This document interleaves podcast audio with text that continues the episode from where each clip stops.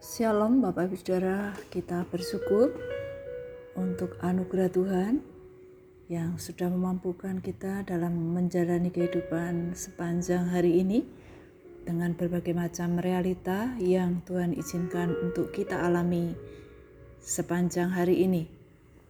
Kita bertemu kembali di renungan malam Kamis ketiga Juni 2021. Mari kita tetap setia meluangkan waktu untuk membaca dan merenungkan kebenaran firman Tuhan agar kita makin mengenal Tuhan dengan benar, makin mengerti kehendak Tuhan dan hidup kita pun sesuai dengan yang dikehendakinya. Sebelumnya kita berdoa. Kami bersyukur ya Tuhan. Kami menyadari karena pertolongan Tuhan kami dapat melewati kehidupan di hari ini kami bersyukur untuk segala sesuatu yang Tuhan izinkan kami alami di hari ini. Semuanya itu merupakan wujud kebaikan Tuhan bagi kami.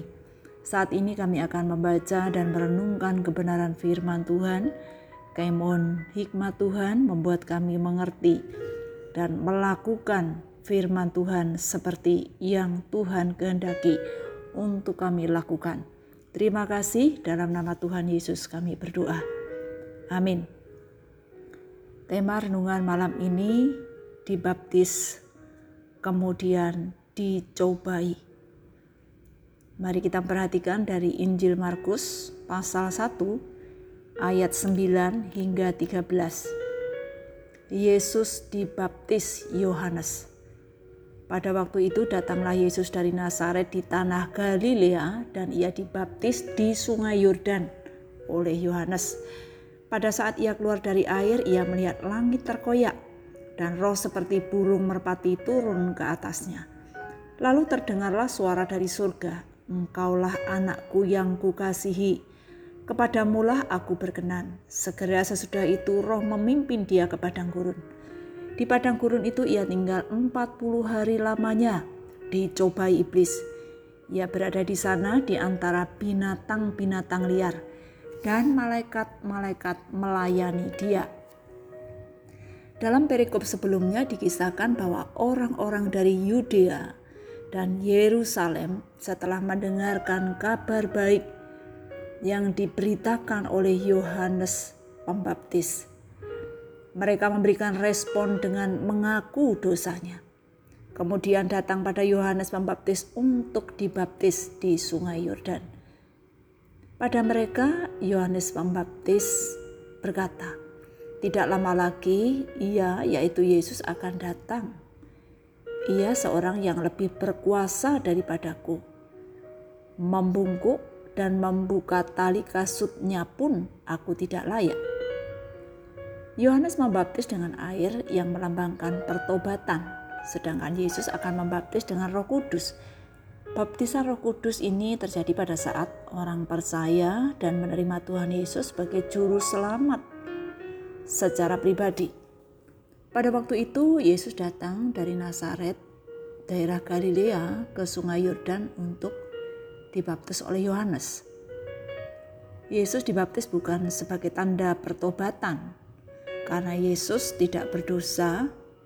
Yesus adalah anak Allah yang kudus Yesus dibaptis menunjukkan seperti orang-orang beriman yang lain taat kepada Allah dan melaksanakan tujuan Allah. Setelah dibaptis, roh Allah memimpin Yesus ke padang gurun. 40 hari lamanya dicobai iblis. Berada di antara binatang liar dan malaikat-malaikat melayani Yesus. Sebelum memulai pelayanannya, Allah mengizinkan Yesus menghadapi cobaan. Namun tidak dibiarkan sendiri. Allah memelihara dengan mengutus para malaikat. Melaksanakan tujuan Allah bukan berarti tanpa ujian. Yesus adalah Allah dan manusia yang sudah lebih dahulu menghadapi cobaan dari iblis. Namun, perlu kita ketahui bahwa Allah itu tidak pernah mencobai kita, orang percaya, namun menguji iman kita. Apakah kita taat menjalani hidup sesuai dengan tujuan yang telah ditetapkan? Iblis mencobai untuk menjatuhkan, namun Allah menguji iman kita untuk kebaikan. Oleh karena itu, ingatlah bahwa Allah tidak pernah memberikan ujian dalam hidup ini di luar kemampuan kita. Bahkan, Allah tetap menolong, memberikan kekuatan yang kita butuhkan. Kita, sebagai orang-orang percaya, memiliki jaminan di dalam Kristus.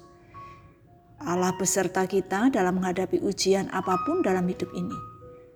Marilah kita senantiasa mempercayakan hidup ini hanya kepada Allah yang sudah menang mengalahkan maut.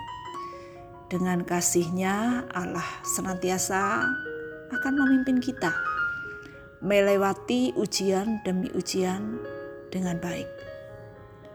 Kita berdoa. Bapa yang di surga kami bersyukur atas keselamatan yang telah Tuhan nyatakan bagi kami. Kami bersyukur untuk teladan ketaatan yang Tuhan telah ajarkan. Tolonglah kami dapat menyadari bahwa Tuhan memberikan kekuatan dan pertolongan ketika kami menghadapi ujian demi ujian yang kami alami. Jika kami telah melewati setiap ujian dalam hidup ini hingga saat ini, Tuhan itu karena kasih-Mu. Kami percaya bahwa Tuhan mempunyai tujuan yang baik melalui ujian apa pun dalam hidup kami.